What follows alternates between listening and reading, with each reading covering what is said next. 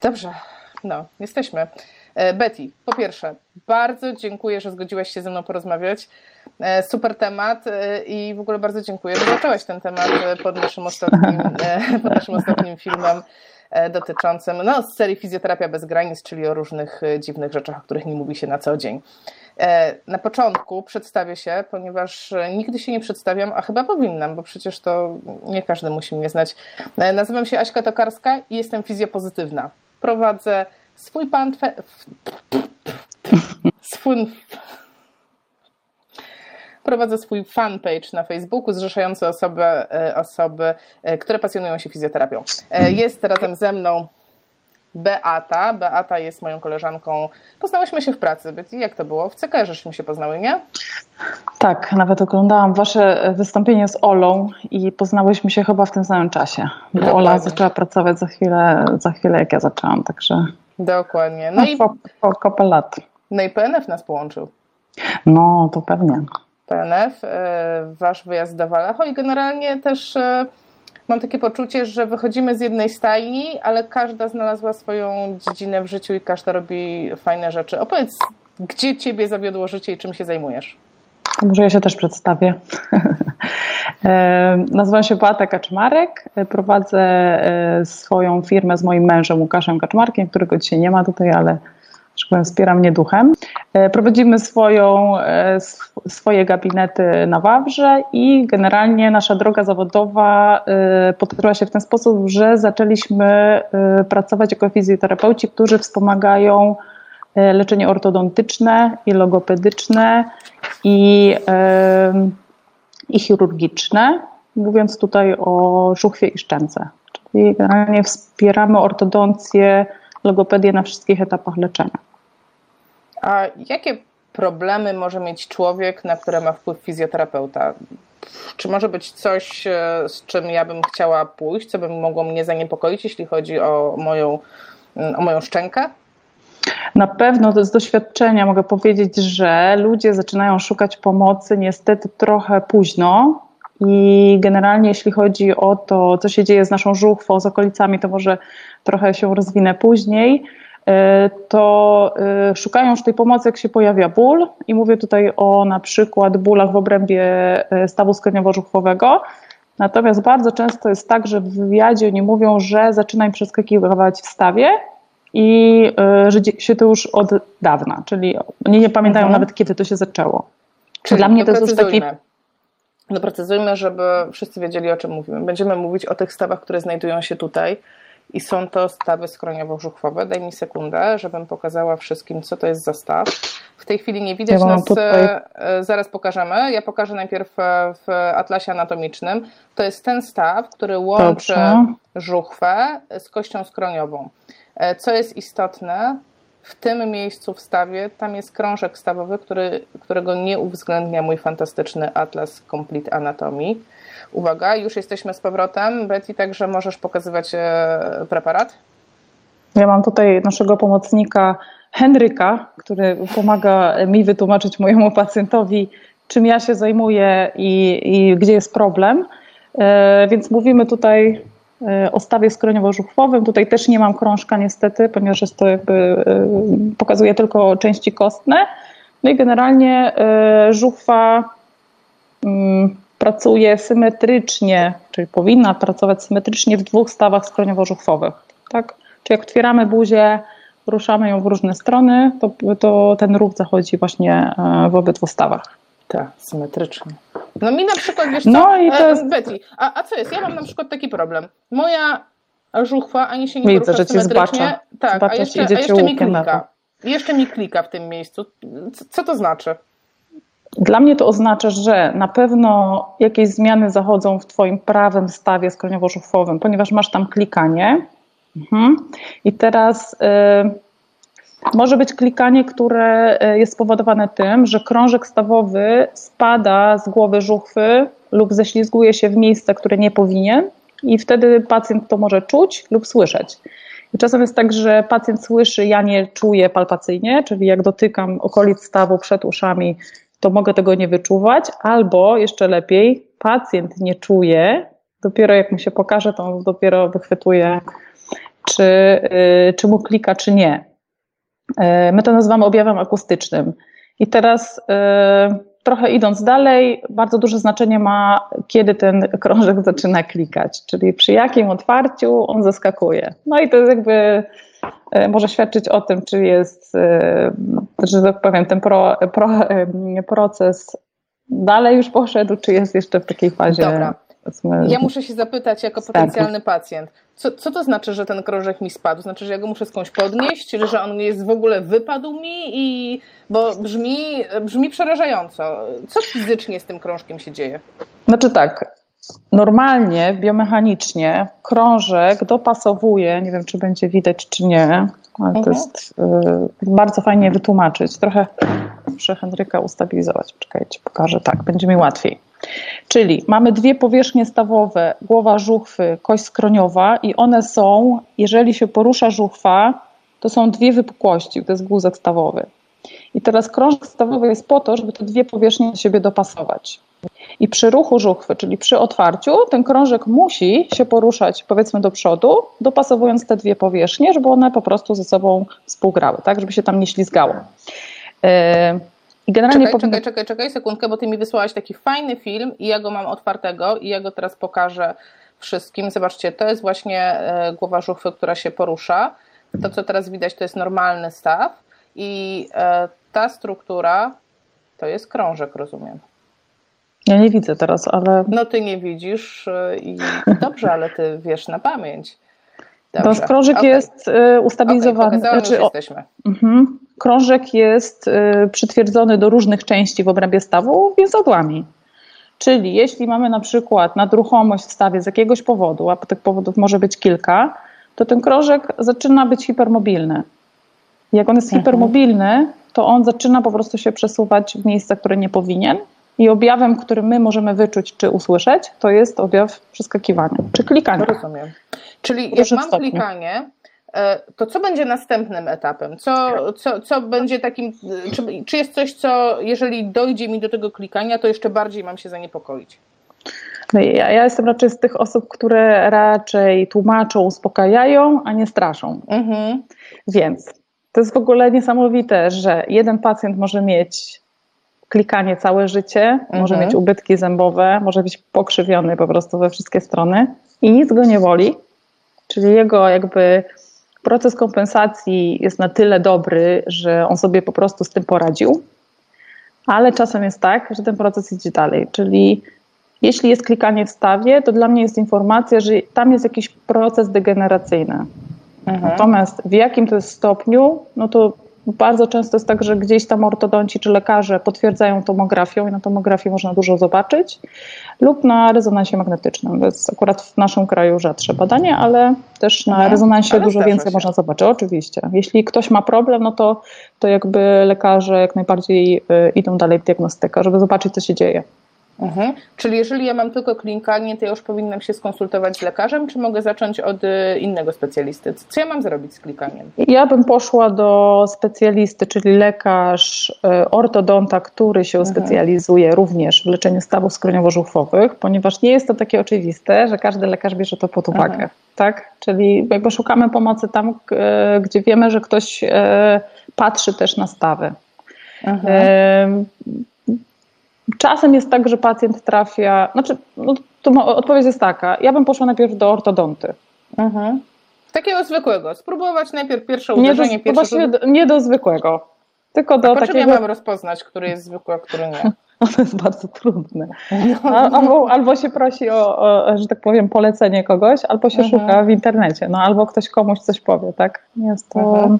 Nie jest to oczywiste, że każdy ortodonta czy każdy lekarz mhm. będzie wiedział, co z tym zrobić. Jasne. No dobrze, a jeżeli e, mnie od czasu do czasu ten staw boli, bo rzeczywiście tak jest, to, to czy, czy to coś znaczy? Czy to jest czy to, no to właśnie znaczy, dlatego? Że, mm, no to znaczy, że tam się jakby coraz, mm, coraz więcej rzeczy złych dzieje, tak? Mhm. Czyli gdzieś się tkanki niszczą i pojawia ci się ból z jakiegoś mhm. powodu.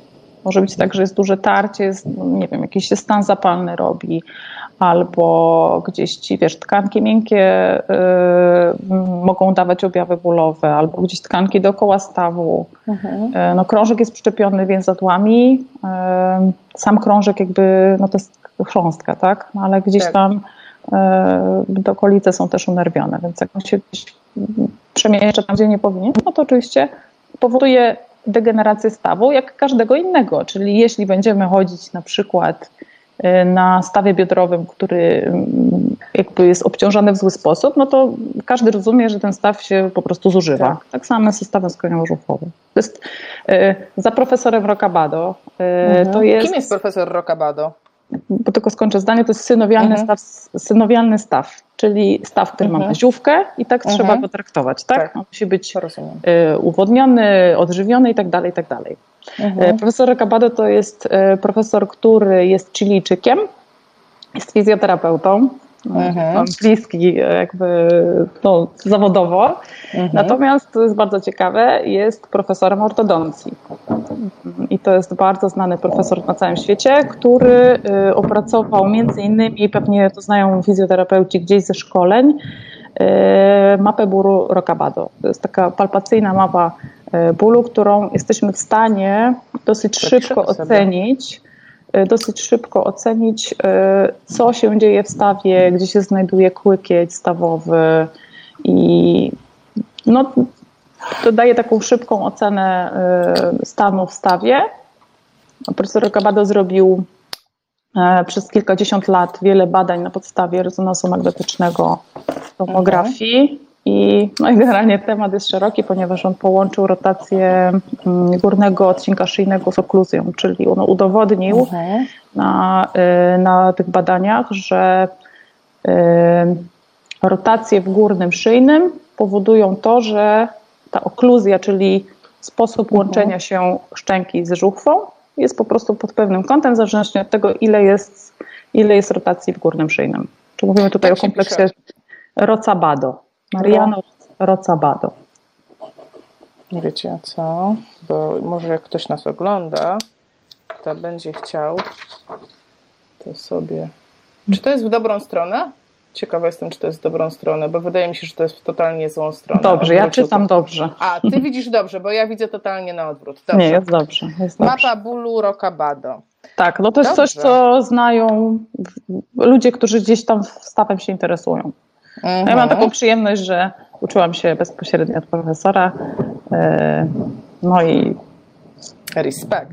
I stosuję, i to jest też dobra komunikacja między lekarzem który zna mapę bólu, a fizjoterapeutą, który zna mapę bólu, ponieważ ja jak sobie badam pacjenta zestawem, to sobie piszę Rokabado 1, 2, 3 mhm. i mój ortodonta, który zna tą mapę, e, mnie Super. rozumie.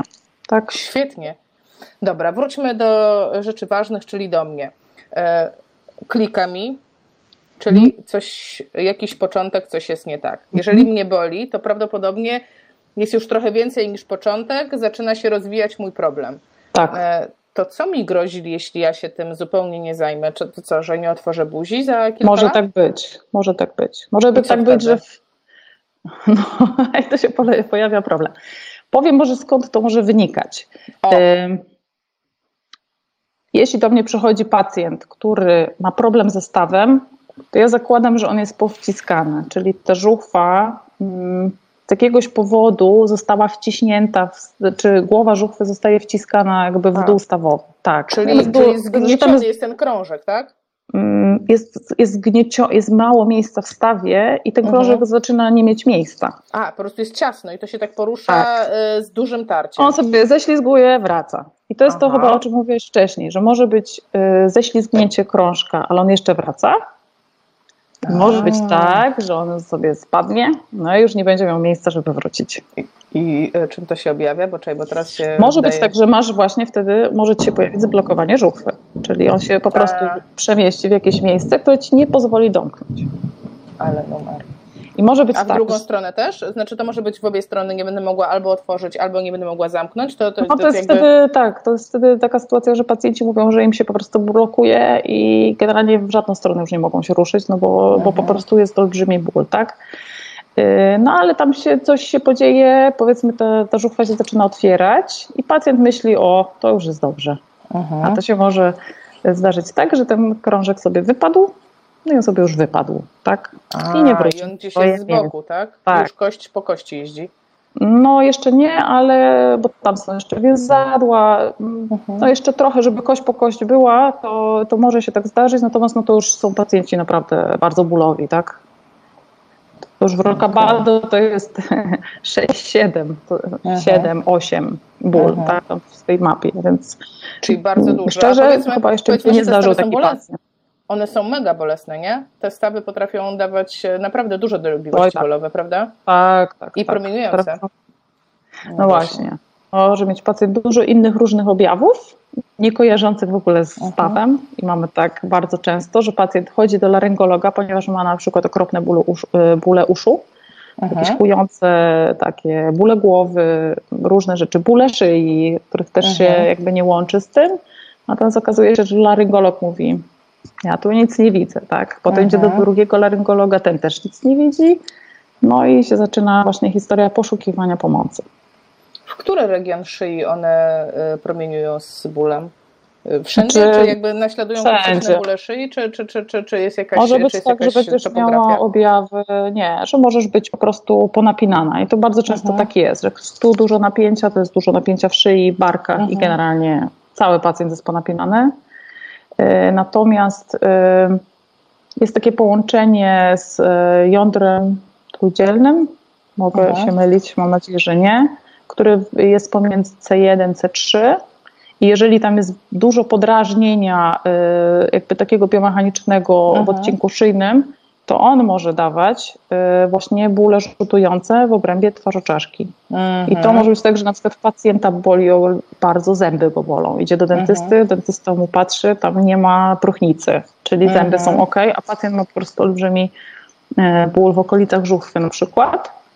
Czyli to jest podrażnienie jakby długotrwałe w obrębie szyi, może rzutować bóle mm, na żuchwę i odwrotnie. Dużo napięcia w żuchwie mhm. po prostu się będzie e, no po prostu rozprzestrzeniało, w tak? stronę. Tak. Powiedz mi, dlaczego to, się, dlaczego to się w ogóle zdarza? Dlaczego, dlaczego w ogóle ludzie mają problemy ze stawami skroniowo-żuchwowymi? Why?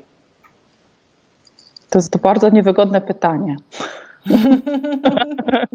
to jakąś poproszę e, ogólną odpowiedź. E, Może być tak, że mają zaburzenia zgryzu, czyli zęby do siebie nie pasują. Mhm. One zawsze będą chciały się złączyć. Ja bym ci nie popatrzyła, czy masz rozszczelnienia, tak? No. Natomiast to jest do oceny ortodontycznej, czy zęby się łączą i mają kontakty zębowe mhm. wszędzie, powiedzmy tak samo, prawidłowo, czy na przykład to jest też właśnie a propos tych rotacji szyi. Pacjent ma na przykład dużą skoliozę, mhm. E, za czym idzie na przykład asymetryczne ustawienie głowy, mhm. czyli notorycznie siedzi na przykład w zgięciu e, w prawo. Wtedy, zobaczcie, żuchwa może nie pracować symetrii. No, tak, to sensowne. I on to udowodnił, tak? Czyli głowa jest asymetria pracy żuchwy. Pierwszy kontakt zębowy nie będzie wszędzie taki mhm. sam, tylko będzie po jednej stronie. I teraz, żeby tak. pacjent dogryzł, to zaczyna sobie różne kompensacje y, wytwarzać, generować dużo napięcia, ponieważ musi mocniej na przykład zapracować lewą stroną, żeby te zęby się skontaktowały. No i zaczyna się jakby generować cały problem. Czyli może to być na przykład asymetrii z postawy, to jest bardzo mhm. ważna, a mogą być też napięcia na przykład psychosomatyczne, może to brzmi mhm. bardzo ciężko, ale. Mhm. Zaczekaj, zaczekaj, zaczekaj, zaczekaj. Tak, żeby podsumować e, dla wszystkich, którzy nas oglądają, a może nie są e, specjalistami w żadnym zawodzie medycznym, e, jednym z mechanizmów będących przyczyną zaburzeń tych stawów stroniowo-brzuchwowych może być mechanizm strukturalny, czyli mówiąc ogólnie, coś jest nie tak z zębami, a to się nie łączą, a to się nie łączą równo, a to nie pracuje to tak jak powinno, a może masz wadę postawy i to rzutuje na twoje ustawienie. Dobrze to tak, możesz mieć, tak, możesz mieć ubytki zębowe, mhm.